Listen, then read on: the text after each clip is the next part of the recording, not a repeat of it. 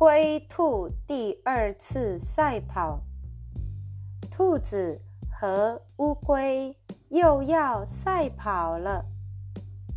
许多小动物都来看他们比赛。兔子想：上次我睡着了，让乌龟得了。第一名，这次我一定要赢。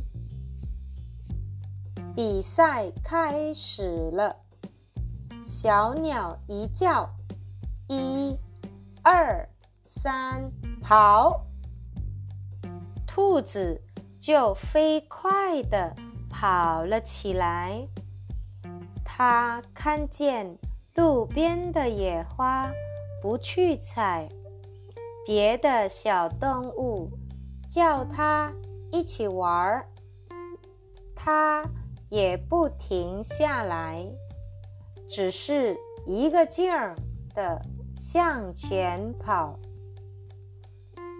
不一会儿，兔子就跑到了终点，得了第一名。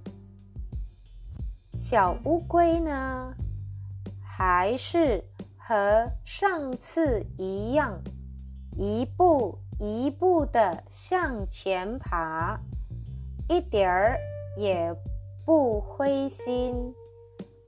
最后也到了终点，大家都高兴地说：“兔子跑得快，应该。”得第一，小乌龟坚持爬到了终点，也应该奖励。